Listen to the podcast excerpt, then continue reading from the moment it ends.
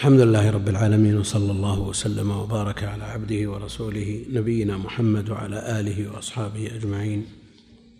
أما بعد فيقول المؤلف رحمه الله تعالى وإن نسي أربع سجدات من أربع ركعات وذكر وهو في التشهد سجد سجدة واحدة تصح له ركعة ويأتي بثلاث ركعات ويسجد للسهو في إحدى الروايتين وعن أبي, وعن أبي عبد الله رحمه الله رواية أخرى أنه قال يبتدئ الصلاة من أولها لأن هذا كان يلعب. العبادة إذا اعتادها الإنسان العبادة يعتادها المسلم فتصير جزءا من تركيبه. لا بد أن يفعلها على مقتضى فعل النبي عليه الصلاة والسلام ثم إذا تكررت معه صار يفعلها تلقائيا ولذا عليه أن يحرص على استحضار النية. وهذا النوع المذكور في هذه الصورة كالذي يصوم نادرا يصوم نادرا وفي كل أوقاته تجده ينسى الصيام إذا صلى الفجر شرب ماء وإذا طلعت الشمس أكل شيئا ثم بعد ساعة يشرب لبنا ثم بعد ساعة يتناول شيئا مما اعتاده. هذا ما اعتاد الصيام كما قال أهل العلم. والذي ينسى سجدة من كل ركعة هذا أقرب إلى كونه يلعب من كونه ينسى.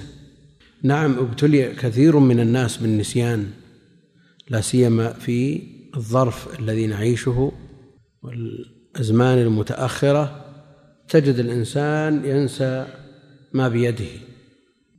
شخص يبحث عن نظارته وهي عليه وآخر يبحث عن شماغه ولا طاقيته على رأسه.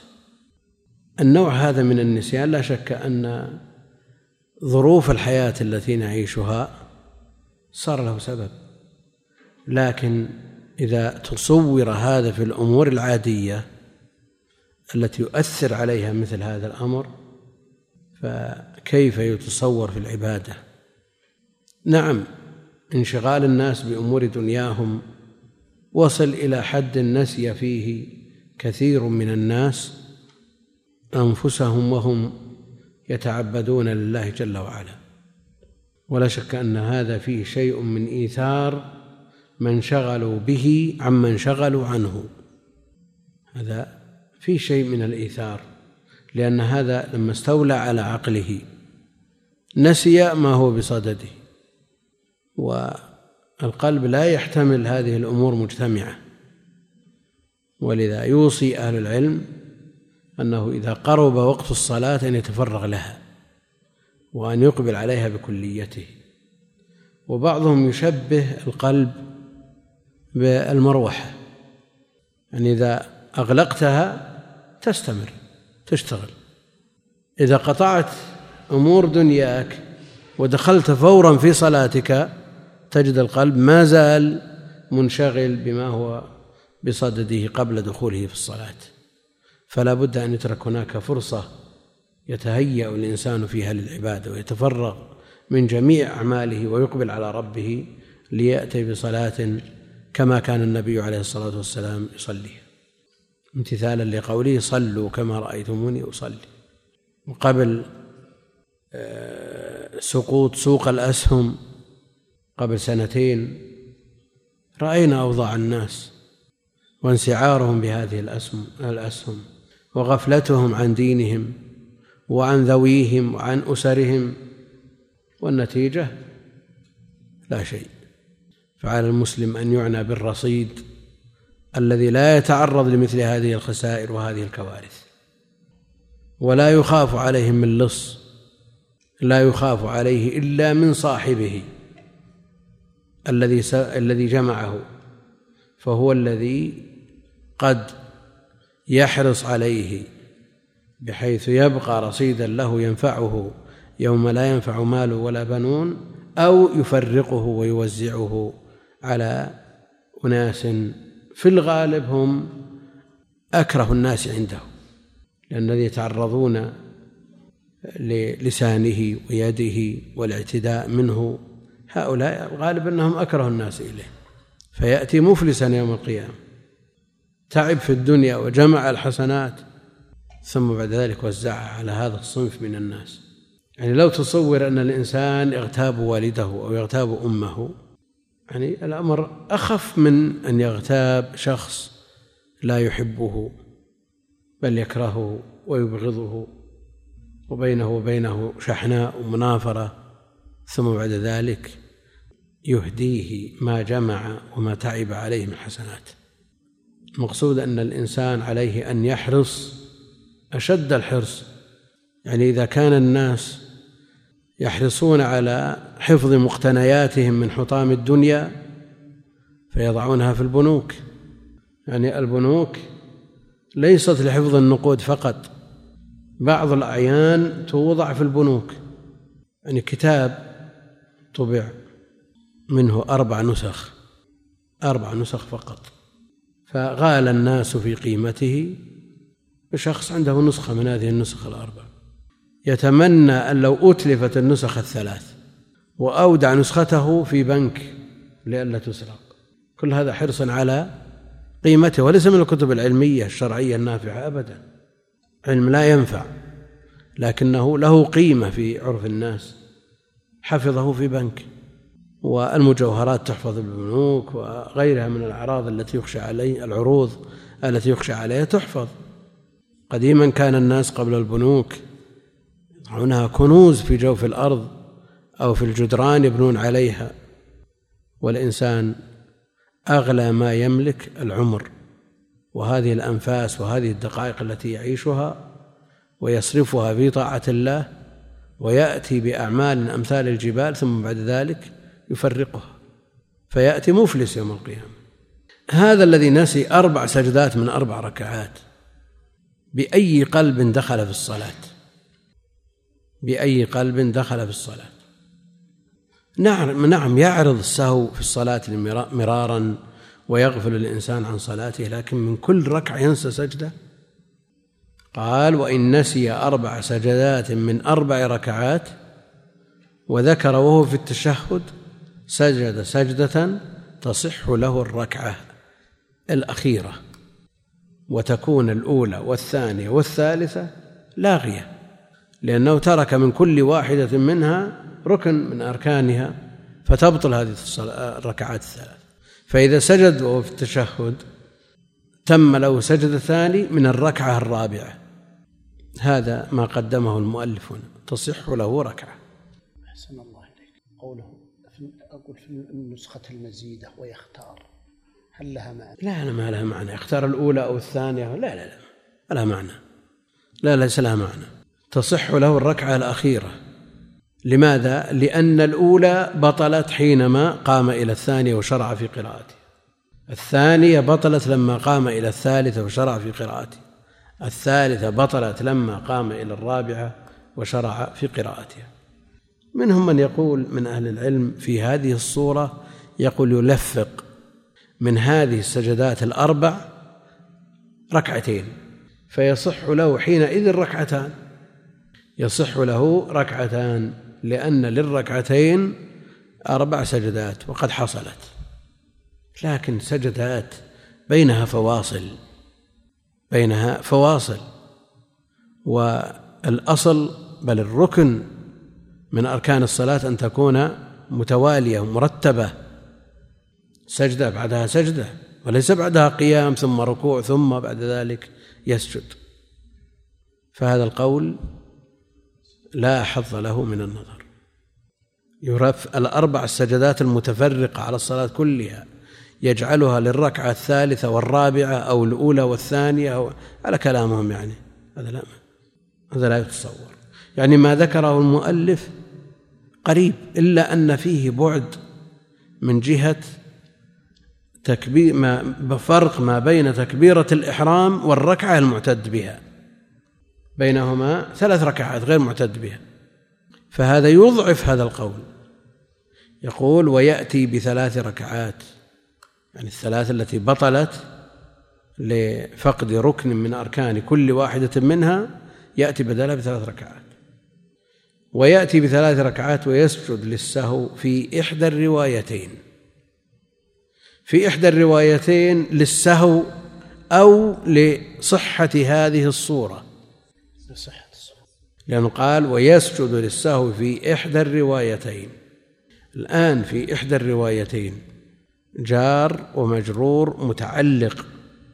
بيسجد ولا يأتي؟ نعم. لأن المتعلق له أثر في المعنى. الأثر المتعلق له أثر في المعنى يتغير المعنى به.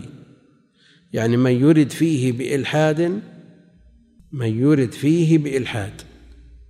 فيه هل هو متعلق بيرد أو بإلحاد؟ وبينهما بون شاسع في المعنى. يرد فيه نذقه من عذاب أليم إذا صارت صدرت الإرادة في الحرم. ولو كان الفعل فعل الإلحاد في المشرق والمغرب. يعني هو في الحرم يقول إذا رجعت إلى بلدي في الهند أو في السند أو في أقاصي المغرب أفعل كذا. يعاقب على هذه الإرادة. وإذا قلنا أنه يتعلق بإلحاد قلنا الإلحاد في الحرم ولو كانت إرادته في المشرق أو المغرب. لو في المشرق في الهند أو في السند يقول إذا حجيت بفعل كذا. الآن المعنيان متقاربان أو متضادان. متضادان. والسبب في ذلك كله اختلاف الاختلاف في المتعلق. وهنا في إحدى الروايتين يسجد في إحدى الروايتين الرواية الأخرى أنه لا يسجد يأتي بهذه الصورة ولا يسجد له.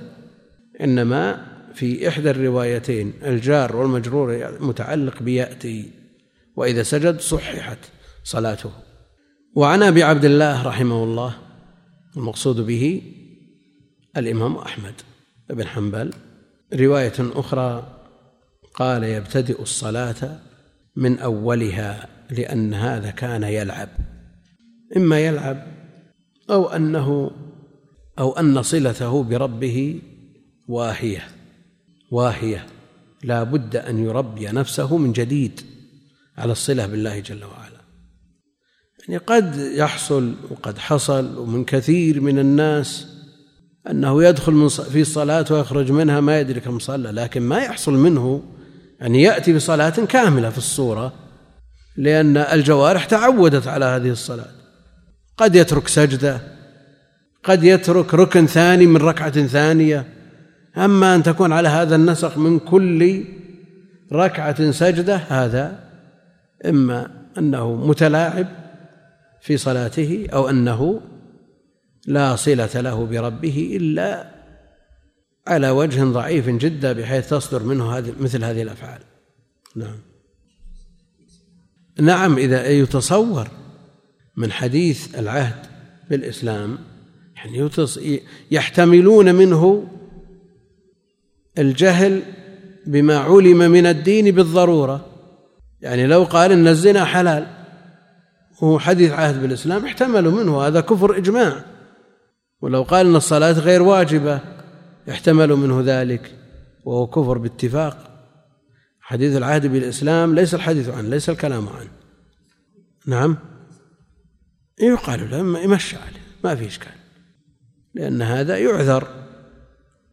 أما شخص اعتاد الصلاة وصلى ويرى المسلمين يصلون ودرس أحكام الصلاة وعرفها يعني من المراحل الأولى وهذه الأحكام معلومة لدى صبيان المسلمين ما يحتمل منه الجهل في مثل هذا.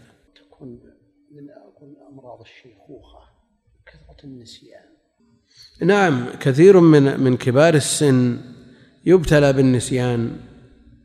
يبتلى بالنسيان فلا يعرف هل ركع أو لم يركع؟ هل هذه الركعة الأولى أو الثانية أو الرابعة؟ لا يعرف شيء. هل يوكل من يحفظ له صلاته؟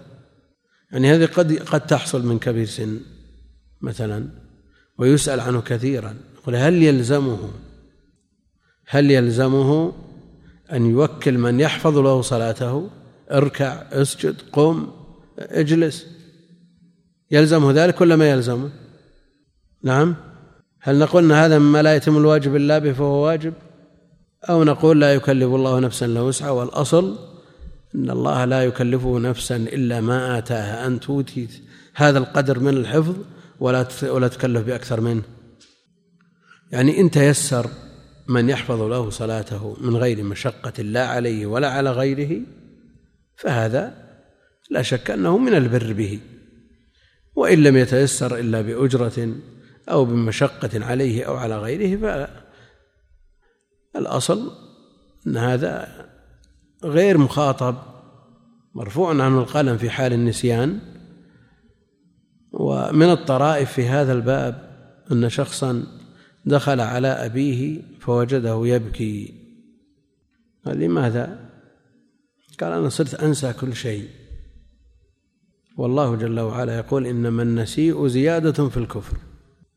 الكبير سن أخذه النسيان فصار ينسى ويستدل بهذه الآية فيظنها من النسيان وهو من التأخير التأخير الذي تفعله الجاهلية يؤخرون من كل سنة شهر. يعني نظير ما فهمه بعض كبار السن من البغاء. لا تكرهوا فتياتكم على البغاء. جاء شخص يخطب ابنته فقالت لا أريده فأكرهها. لما نوقش قال الله جل وعلا يقول لا تكرهوا فتياتكم على البغاء وفي آخرها قالوا من يكرهن فإن الله بعد بعد ذلك غفور رحيم ويريد المغفرة هذه. يعني آه، التفسير بالفهم الذي لا يستند إلى أصل. وهذا ما يفعله كثير من من الكتاب الذين ليس لهم صلة بكتاب الله ولا بسنة رسوله صلى الله عليه وسلم ويقول نحن رجال وهم رجال ونفسر ونفهم مثل ما يفهمون وليس لديهم أصل يعتمدون عليه ولا شيء يؤون إليه ويرجعون إليه. ليس لهم علاقة فتجدهم يتكلمون في دقائق المسائل وهم ليست لديهم أهلية. نعم؟ التفسير حرام بالرأي. نعم.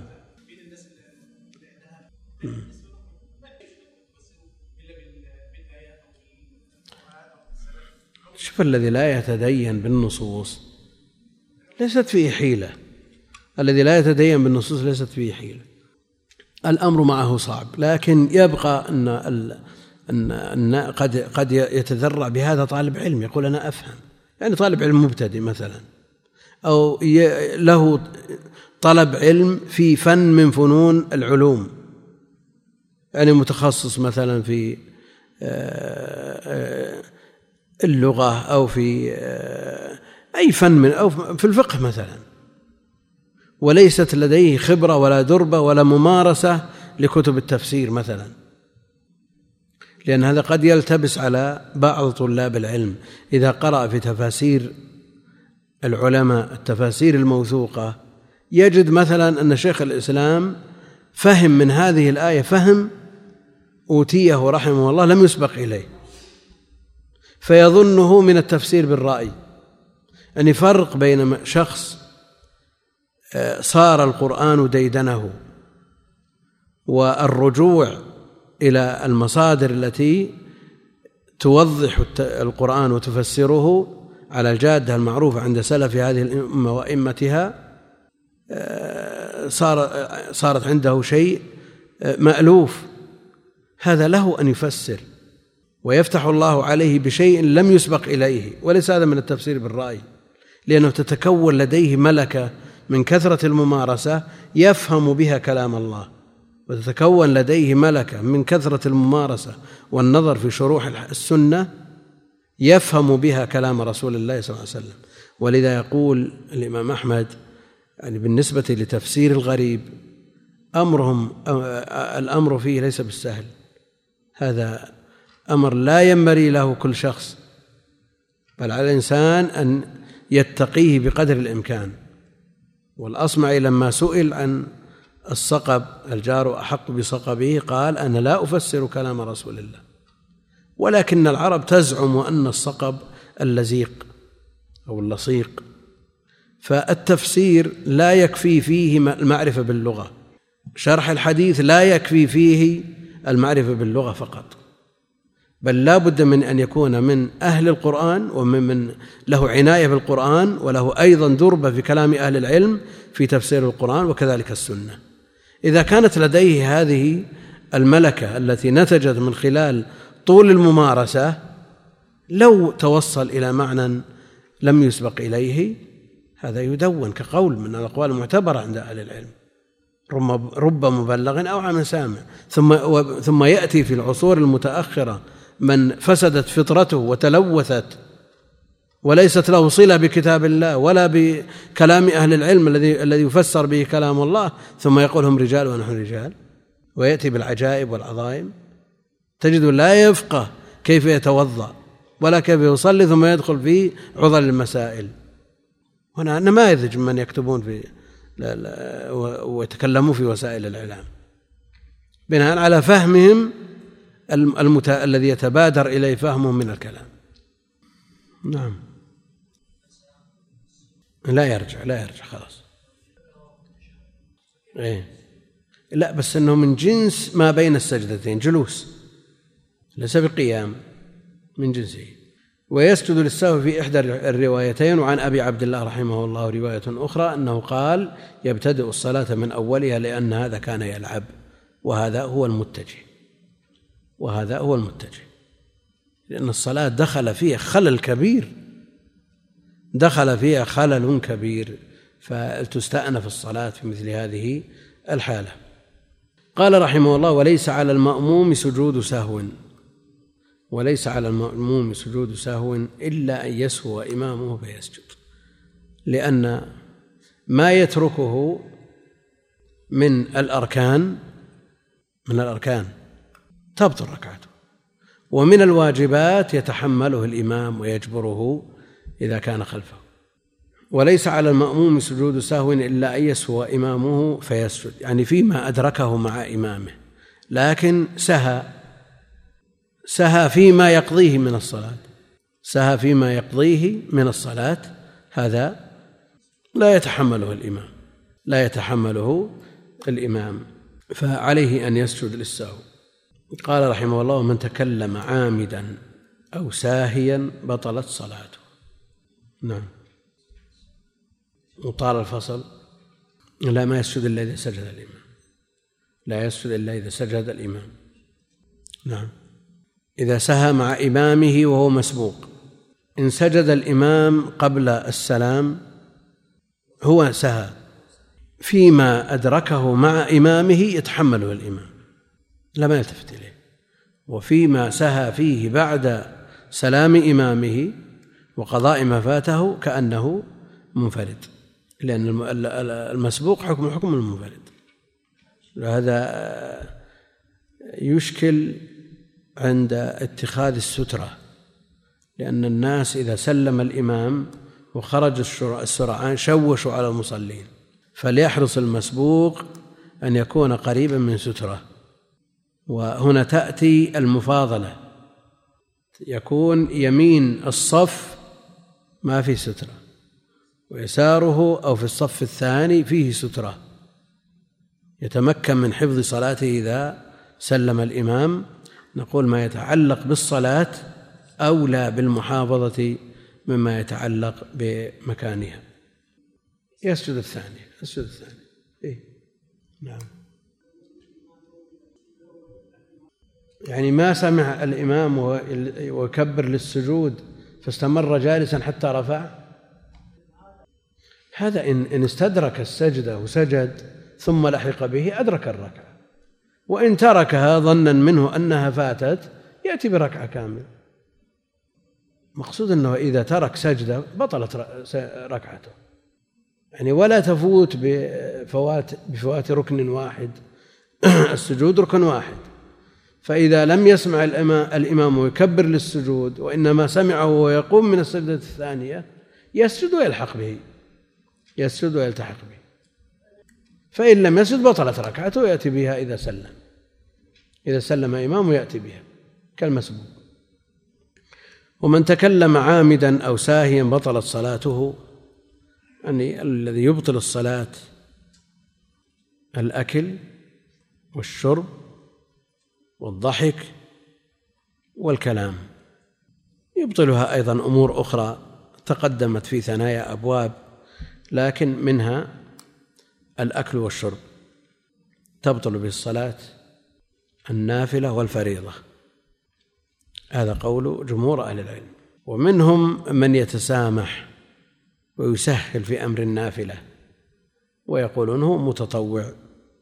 وهو أمير نفسه. وجاء عن ابن الزبير أنه شرب ويصلي النافلة. وبعضهم يلحق الأكل بالشرب. وإن كان الأكل أشد الأكل أشد من الشرب. وعلى كل حال المعتمد عند أهل العلم أن الأكل والشرب مبطل للصلاة فرضها ونفلها. لا تجد تفاصيل. الحلاوة حلاوة المص. شرب ولا أكل؟ إذا فرقنا بين الأكل والشرب. ها؟ أكل ولا شرب؟ ها؟ كيف أكل؟ يعني إذا فرقنا إذا لم نفرق المسألة ظاهرة يعني. هو مبطل للصلاة على كل حال. شو؟ لا, لا أنت افترض أنه وضع في فمه قطعة حلوى إلى أن ذابت. هل نقول إنه أكل أو شرب؟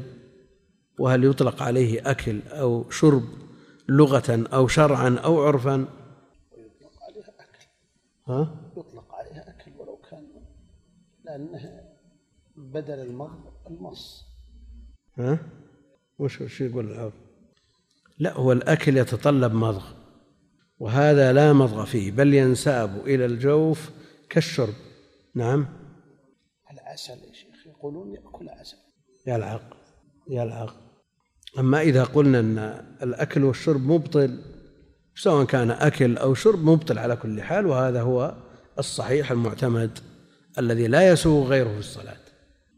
نعم. ها؟ الأصل ما دام أجازوا الشرب فالشرب يطلق على كل سائل. نعم. قد قد يكون حاجته لشرب العصير مثلا أشد من حاجته إلى الماء. يصلي ونقص عليها السكر. وقال هذا عصير والشرب أمر خفيف وأنت تنفل وتبي تطول الصلاة خذ لك كأس. هذا أشد حاجته إليه أشد من الماء. أو من شرق. نعم. أو من شرق. المقصود أن من يحتاج إلى الشيء على القول المعتمد بأن الأكل والشرب مبطل يخرج من صلاته. يخرج من صلاته ويفعل ما يشاء ثم يعود إليها. صار على المص هذا أكل ولا شرب؟ ولا أكل لأن الأكل من حقيقته المضغ ويرجع في الحقائق إلى بالنسبة للغوية إلى تعريف أهل اللغة. ولذلك عندهم المضمضة يختلفون في حقيقتها لغة وهل من حقيقتها المج أو لا؟ يختلفون في هذا. فيرجع في الحقائق اللغوية إلى أهل اللغة. في الحقائق الشرعية ما جاء في المسألة من نصوص الكتاب والسنة. العرفية ما تعرف عليه الناس. وهل يعتد بالأعراف المتأخرة بعد أن اختلط الناس بغيرهم من مسلمين وغير مسلمين؟ المقصود أن مثل هذه الأمور حسم المادة بالكلية في مثل هذا هو الأصل. أنه لا يأكل ولا يشرب. ثم بعد ذلك مقدار الأكل المبطل للصلاة ومقدار الشرب المبطل للصلاة. أحيانا يكون بين الأسنان شيء أحيانا يكون في الفم بقايا من الطعام يكون وضوءه قبل الأكل ثم يأكل يدخل في الصلاة فيبقى شيء. فإذا ذهب شيء مما يشق التحرز منه يؤثر أو لا يؤثر؟ قالوا ما يشق التحرز منه لا يؤثر. وما لا يشق التحرز منه يؤثر. قال ومن تكلم عامدا أو ساهيا ما لم يذكره المؤلف الضحك. الضحك مبطل للصلاة عند عامة أهل العلم. نعم. شو؟ مقصود أنه ضحك. يسمى ضحك. متى يسمى ضحك؟ الضحك مبطل للصلاة. والتبسم عند الجمهور لا يبطل. وإن كان منافيا للب الصلاة منافي للبها وهو الخشوع فمن يقول بوجوبه يكون عنده الأمر أشد ومن يقول بأنه سنة يعني الأمر عنده أسهل. ابن حزم يرى بطلان الصلاة بالتبسم إذا تبسم بطلت صلاته والتبسم من الضحك فتبسم ضاحكا فهو من الضحك. نعم. ما الدليل على أن الضحك مبطل للصلاة؟ ها؟ يعني نقول أن حكم الضحك حكمه ما ذكره أهل العلم من الانتحاب والبكاء من غير خشية الله و آه، إذا تنحنح مثلا فبان حرفان عند أهل العلم بطلت الصلاة. هل نقول من, من هذه الحيثية أو نقول لما هو أشد من ذلك؟ لأن بعض الناس ينظر إلى المسائل ينفك بعضها عن بعض ينظر إليها بالإفراد ما ينظر إليها مجتمعة مثل الصلاة التي ذكرناها في المناظرة بين الحنفي والشافعي. هذه إذا نظرنا إليها منفردة احتجنا إلى أن نفصل في كل مسألة وإذا اكتملت واجتمعت الصورة بطلت الصلاة اتفاقا. ما ينافي مقتضى ما شرعت الصلاة من أجله لأن بعضهم يطلب الدليل على تحريم إقامة جماعتين في آن واحد في مكان واحد. جمهور على التحريم لا يقام أكثر من جماعة. طيب الدليل؟ دليل هذا ينافي ما شرعت الجماعة من أجله. والضحك ينافي ما شرعت الصلاة من أجله. ينافي ما شرعت الصلاة من أجله. الحنفية يذهبون إلى أبعد من هذا فيبطلون الضحك الذي هو القهقهة يبطلون الوضوء. إذا ضحك قهقه وهو يصلي بطل عندهم الوضوء فضلا عن الصلاة ويستدلون على ذلك بحديث ضعيف. الحديث ضعيف. الأعمى الذي جاء والنبي عليه الصلاة والسلام على ما يقول على ما هو مقتضى الخبر يصلي عليه الصلاة والسلام بالصحابة فجاء أعمى فوقع في حفرة فضحك بعض الصحابة فقال أنهم أمرهم النبي عليه الصلاة والسلام بإعادة الوضوء والحديث ضعيف نص على ضعفه جمع من الحفاظ بل متفق على ضعفه لم يصححه أحد. ومع ذلك الحنفية عملوا به.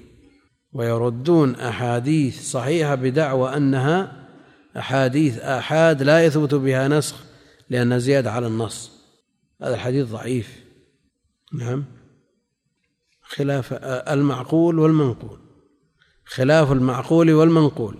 اللهم إلا في صورة واحدة وهي إذا ما استغرق في ضحكه فأحدث. ما في غير هذه الصورة. لأن بعض الناس منها يحصل له هذا النوع. وأما ما عدا ذلك فوضوءه صحيح ما في إشكال. هو الصلاة تجب عليه إعادتها. غلبه الضحك. نعم صحيح يوجد هذا. يتذكر موقف ولا نكتة ولا شيء ثم يضحك ها؟ أو يرى. نعم. لا وبعض الناس إذا ضحك خلاص انتهى. ما ما ما يوقف ها؟ حتى لو عاد الصلاة مرة ومرتين وثلاث ما يمسك نفسه بدأ. هذا موجود عند بعض الناس. فإذا غلب على الضحك يقول بطل الصلاة وينتظر إلى أن يذهب. لأن هذا مبطل للصلاة المقصود أن هذه الأمور إنما تحصل ممن جاء إلى الصلاة ببدنه دون قلبه. أما من جاء إلى صلاته بقلبه وقالبه متجها إلى ربه يعقل ما هو بصدده فإن مثل هذه الأمور لا تحصل. نعم. لا الجمهور يفرقون بين الضحك والتبسم باعتبار أن الضحك يبي معه بعض الحروف فهو ملحق بالكلام من هذه الحيثية إضافة هو أشد من الكلام إضافة إلى منافاته مقتضى آه، ما شرعت الصلاة من أجله. ولذا يصححون الصلاة مع التبسم لأنه ما يبي منه حروف. ابن حزم يقول ما دام أبطلتم الصلاة بالضحك فالتبسم من الضحك. بدليل فتبسم ضاحكا من قولها. سم. البكاء إذا خرج عن يعني المعتاد. البكاء يفرقون بين كونه صاد من خشية الله تعالى فالنبي عليه الصلاة والسلام يسمع إلى صدره أزيز كأزيز المرجل. وعمر سمع نحيبه من الصفوف المتأخرة رضي الله عنه وأرضاه. فالبكاء من خشية الله هذا مما تتطلبه الصلاة والنظر في معناها وحقيقتها وأذكارها. أما إذا كان من غير خشية الله يعني تذكر موقف تذكر موقف أحزنه فبكى من أجله هذا يبطلون الصلاة به. وإذا كان البكاء من خشية الله لا من أجل الصلاة لأمر خارج لأمر لا يتعلق بالصلاة. هذا يبكي من خشية الله. لكن الأصل أن النبي عليه الصلاة والسلام إنما بكى لما قرأ بسبب ما قرأ من كتاب الله في الصلاة. لكن شخص سمع يبكي ولا يتدبر ذكرا ولا قرآن وإنما ينظر في مشهد أمامه يتطلب البكاء من خشية الله. ذكرنا مثال في مناسبات أن شخصا في المسجد الحرام يصلي في الدور الثاني وينظر إلى المطاف. في العشر الأواخر من رمضان ولا شك أن المنظر مؤثر مؤثر جدا. إذا قورن بما سيحصل في القيامة فالإنسان ولا شك يتأثر. فبكى لهذا المنظر. والإمام يقرأ في آيات وقد يكون الإمام يبكي ومن معه يبكون بتأثير الآيات. وهذا يبكي من خشية الله جل وعلا لا تأثرا بصلاته وما يقرأ فيه بل لأمر خارج. هل هذا يؤثر في الصلاة؟ أو هذا من التشريك؟ نعم. تشريك عبادة بعبادة. تشريك عبادة بعبادة. ومثل هذا يؤثر في الصلاة أو لا يؤثر؟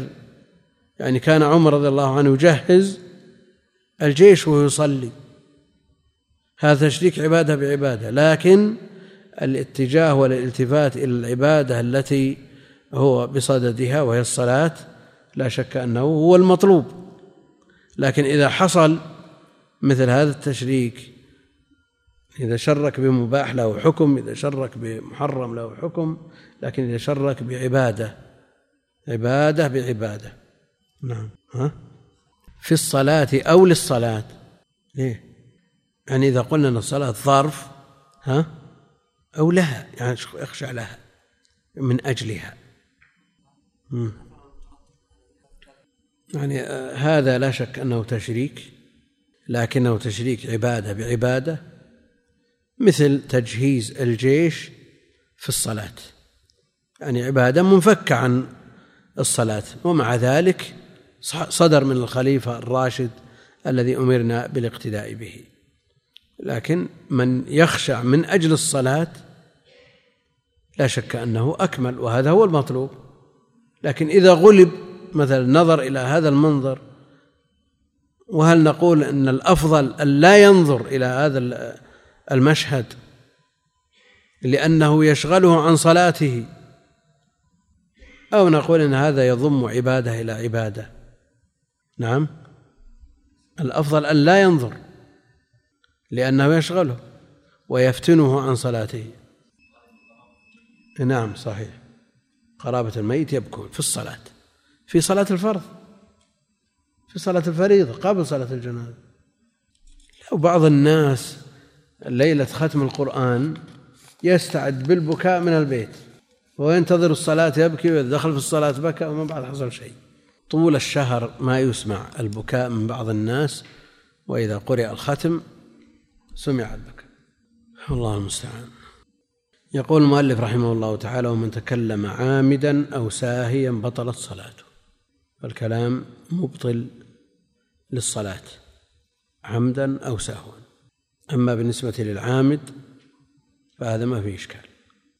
كانوا يتكلمون في الصلاة يسلم بعضهم على بعض ويشمت بعضهم بعضا ثم أمروا بالصلاة قوموا لله قانتين. العامد هذا ما فيه إشكال. إلا إذا كان لمصلحة الصلاة على ما سيأتي ففيه التفصيل والخلاف الذي ذكره أهل العلم وسنشير إلى شيء من ذلك. إذا تكلم ساهيا مقتضى كلام المؤلف أنه لا يعذر وتكون صلاته حينئذ باطلة. إذا تكلم مغلوب يعني مغلوب ضرب مثلا تكلم بكلام تلقائي مثل ما يفعل أمثاله في أي وقت في أي ظرف العادة أن الإنسان إذا ضرب قال إيش يقول؟ يقول أح ها؟ إيش قال؟ إيش قلت؟ لا هذا هذه هذا توجع هذا توجع هذا آه توجع ها؟ إي بس لا تصير مثل اللي يقرأ في نقل من النقول لما انتهى من النقل ألف هاء محشي. ها؟ يعني انتهى كلام المحشي. فقال آه محشي. لا لا إحنا عندنا يقول أح. ها؟ أنتم هكذا تلقائيا بدون اي طيب. اي هذا المقبل إقبال تام. ولا تتصور في الناس أو يفترض في الناس كلهم أنهم بهذه الصفة. لكن مثل هذا ما يلحق بالساهي. مثل الساهي هو ساهى عن صلاته فصدر منه لكنه غلب. نعم. كثير من الناس يسهو ولا يتكلم لكن من هذا الكثير أنه لو حصل مثل هذا الضرب ضرب ضرب أو سقط عليه شيء أو ما أشبه ذلك تكلم. فمن هذا مثل هذا مغلوب. والمغلوب غير مكلف. السهو هو النسيان أو أو ضرب منه والمؤاخذة مرفوعة عن الناس. أنا لا تؤاخذنا. وهذه المؤاخذة ترفع الإثم أو ترفع الحكم المترتب عليه. ها؟ شو؟ الإثم متفق عليه. الإثم متفق عليه. لكن النسيان والسهو رفع أثر الحكم المرتب على الفعل والترك كما في سجود السهو الذي معنا.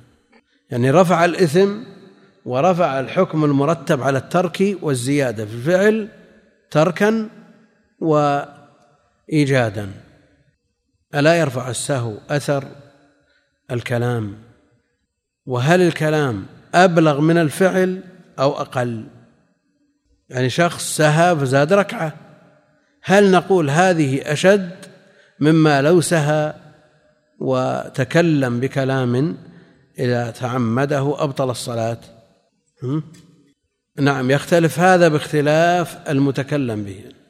يعني لو سهى عطس واحد وقال ارحمك الله مثلا ساهيا أو سلم عليه شخص ويصلي قال وعليكم السلام. ينظر فيما يسوغ جنسه في الصلاة وما لا يسوغ جنسه. فيفرق بينهما. يعني لما شرع السهو للنسيان سجود السهو للنسيان إنما أنسى لأسن حكمة من نسيانه عليه الصلاة والسلام. أنه من أجل أن تشرع هذه الأحكام المتعلقة بهذا السهو. وهذه الأعمال على ما تقدم زيادة ونقص في الصلاة. لو مثلا افترضنا أن شخصا نسي فاضطجع في صلاته. يجبر بسجود سهو أو لا يجبر. الاضطجاع ليس من جنس الصلاة بالنسبة له لأنه قادر على القيام والقعود. ها؟ خلنا نتدرج شيئا فشيئا علشان نصل إلى الكلام. نسي فاضطجع يرد ولا ما يرد؟ يرد. نسي أنه في صلاته فاضطجع أو يفرق بين من ينسى الصلاة ومن ينسى في الصلاة. هذا نسي الصلاة كلها. وسجود السهو المشروع إنما هو لمن نسي شيئا من أجزاء الصلاة. ما نسي الصلاة بالكلية. وفرق بين من نسي الصيام ومن نسي في الصيام. بينهما فرق ولا لا؟ شخص عقد النية على الصيام من الليل ثم لما صلى الفجر ذهب إلى بيته وأكل سبع تمرات على عادته. ناسيا الصيام ناسيا الصيام بالكلية. ترى مسألة دقيقة يا الأخوان هذه دقيقة. يعني هو يأكل ومتعمد للأكل وذاكر أنه يأكل لكن نسي الصيام ولم ينس في الصيام. شو يصير؟ نعم؟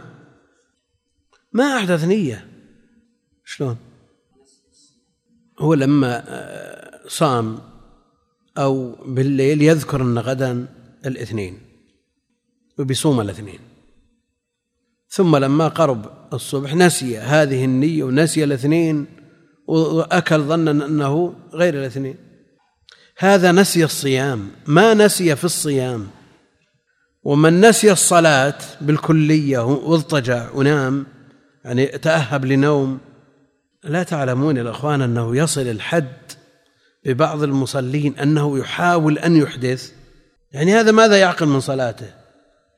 ناسيا الصلاة بالكلية.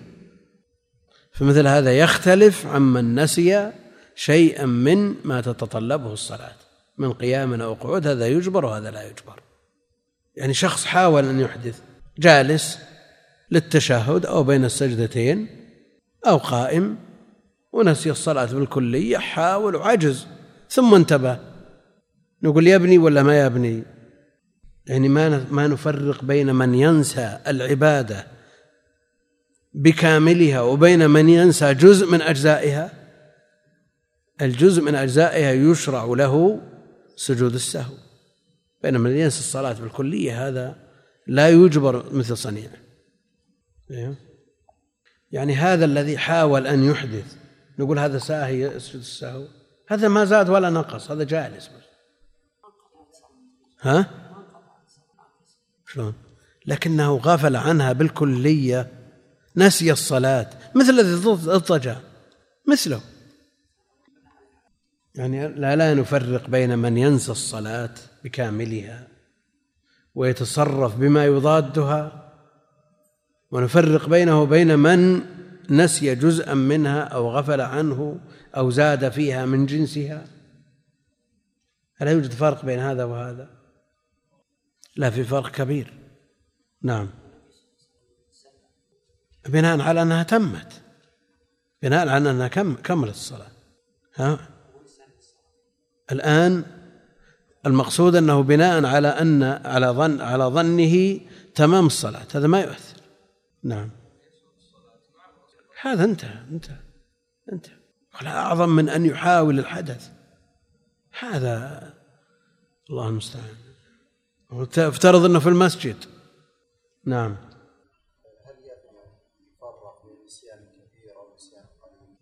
مثل ما مر بنا. نسي أربع سجدات من أربع ركعات. هذا لا لعاب هذا. متلاعب. قلب الصلاة كلها. لكن إذا نسي يكون نسيان من جنس الصلاة نسيان أنه في صلاة. لكن كله يعود أنه صلاة أنه نسيان. إي لكن النسيان النسيان منه ما تترتب عليه آثاره ومنه ما لا ما ما لا يعفى يعني المسألة يفرقون أهل العلم بين هذا وهذا. ومن تكلم عامدا أو ساهيا بطلت صلاته يفرقون بين ما يشرع جنسه في الصلاة. تكلم جاءه من يبشره بولد فقال الحمد لله. الحمد لله رب العالمين. وجاءه من يخبره بوفاة عزيز عليه فقال إنا لله وإنا إليه راجعون. وهكذا. يعني جنسه مشروع في الصلاة. من أهل العلم من ينظر إلى اللفظ فيصحح ومنهم من ينظر إلى القصد فيجعله من جنس كلام الناس فلا يصحح. ومثله الفتح على الإمام بذكر مشروع أو بكلام عادي يفرقون بين هذا وهذا. يقول إلا الإمام مفهومه إلا الإمام خاصة فإنه إذا تكلم لمصلحة الصلاة لم تبطل صلاته. مفهومه أن المأموم والمنفرد تبطل صلاته مطلقا سواء كان كلامه لمصلحة الصلاة أو لغير مصلحتها. فماذا عن ذي اليدين وماذا عن أبي بكر وعمر؟ الذي يقول مثل هذا الكلام وهو مقتضى كلام المؤلف يقول إنه استجابة لطلب النبي عليه الصلاة والسلام واستجابة لطلبه واجبه وين؟ لكن ابتداء ذي اليدين في وقت ممكن أنه أن الصلاة مقصورة وأنها تمت. هذا من ذي اليدين. الوقت وقت تشريع وأن الصلاة قصرت وأنها تمت وعلى ظن غالب ظنه أنها تمت. ما يشكل كما تكلم النبي عليه الصلاة والسلام. نعم؟ نعم. أما بالنسبة لأبي بكر فبطلب النبي عليه الصلاة والسلام تجب إجابته فلا يلحق به غيره. يعني لو فعلها غيره من الأئمة ممن لا تجب إجابته على كلام المؤلف ولو كان لمصلحة الصلاة إلا الإمام خاصة. إذا تكلم لمصلحة الصلاة لكن إذا تكلم الإمام لمصلحة الصلاة كيف يصل إلى الحقيقة من دون إجابة من المأموم؟ لأنه قال إلا الإمام خاصة فإنه إذا تكلم لمصلحة الصلاة لم تبطل صلاته. طيب من يكلم؟ يكلم شخص غير المأمومين؟ إذا كلم شخص غير المأمومين استقام كلام المؤلف. لكن إذا اتجه إلى المأمومين وقال ما الذي بقي علينا من صلاتنا؟ أو ماذا تقصدون بالتسبيح؟ يعني على مقتضى الكلام أن الإمام يكمل وصلاته صحيحة والمأمومون يستأنفون. وهو ما يقتضي قالوا إلا الإمام خاصة فإنه إذا تكلم لمصلحة الصلاة لم تبطل صلاته. والإمام ومن يكلمه؟ لا شك أن قصة ذي اليدين دليل ظاهر في صحة صلاة الإمام ومن يكلم الإمام وأيضا من يكلم الخطيب ومن يكلمه الخطيب مستثنى من تحريم الكلام أثناء الخطبة. فإذا أجزنا ذلك للإمام خاصة أجزناه لمن لا تتم الصلاة أو صحة الصلاة إلا به. كمن؟ يخاطبه الإمام. كما حصل في قصة ذي اليدين. نعم. إيه. ألا يقوم.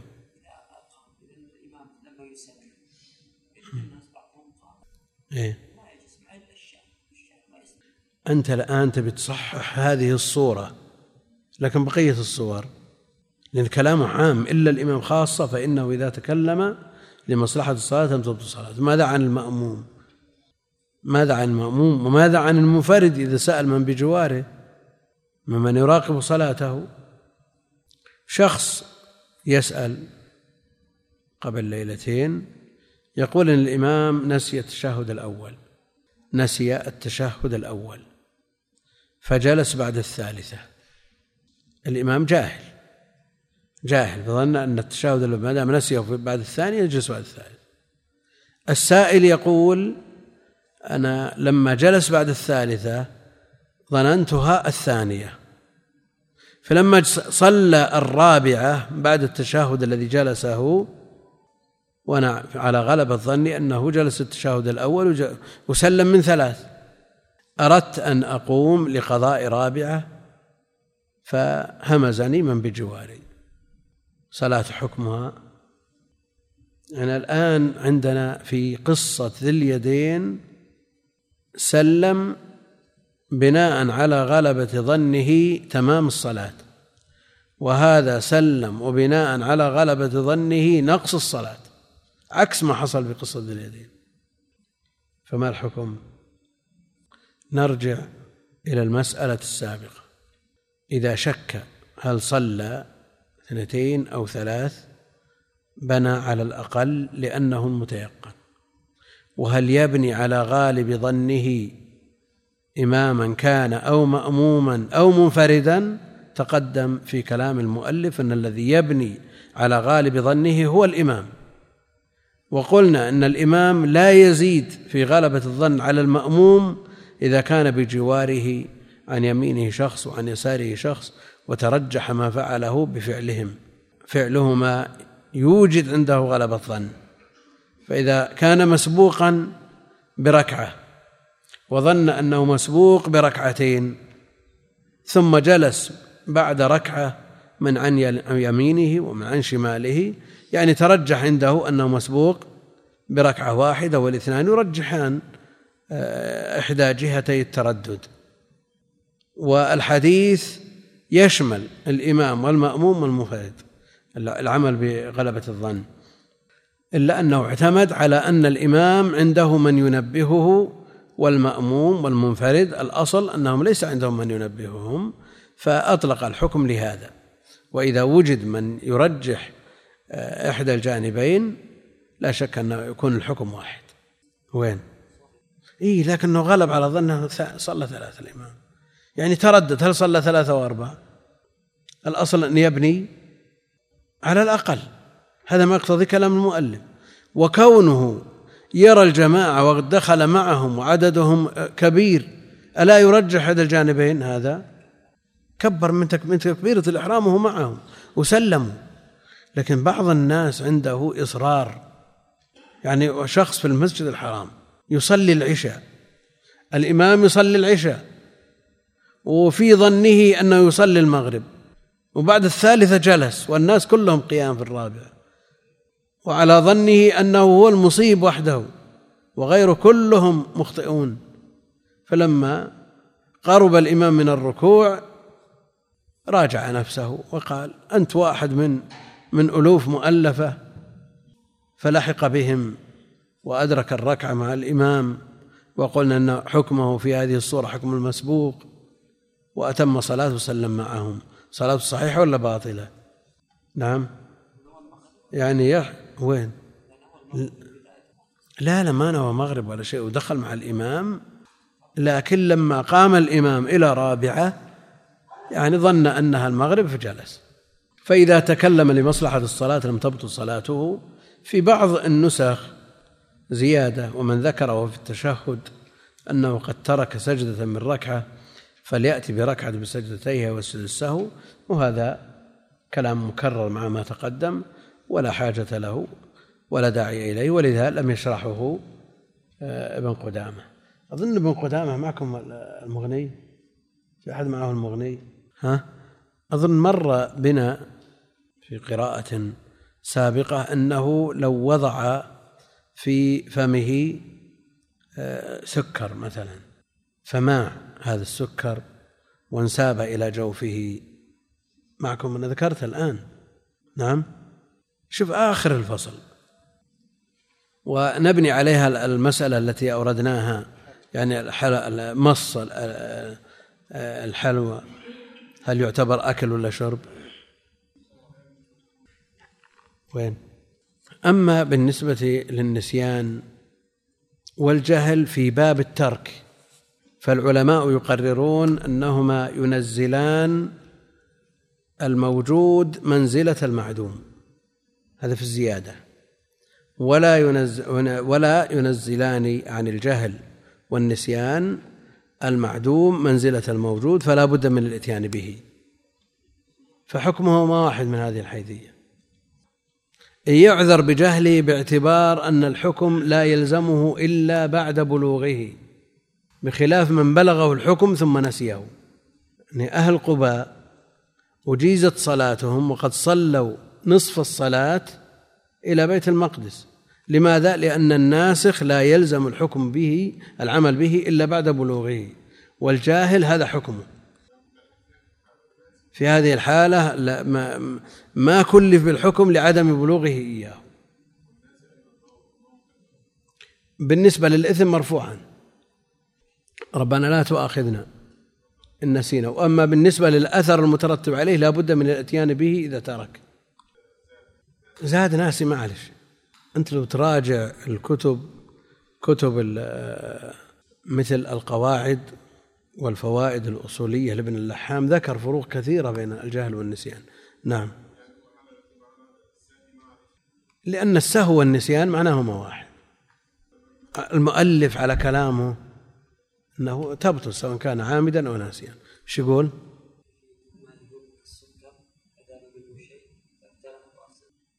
يقول لأنه أكل لا الأكل نعرفه إذا قرضه ومضغه هذا أكل.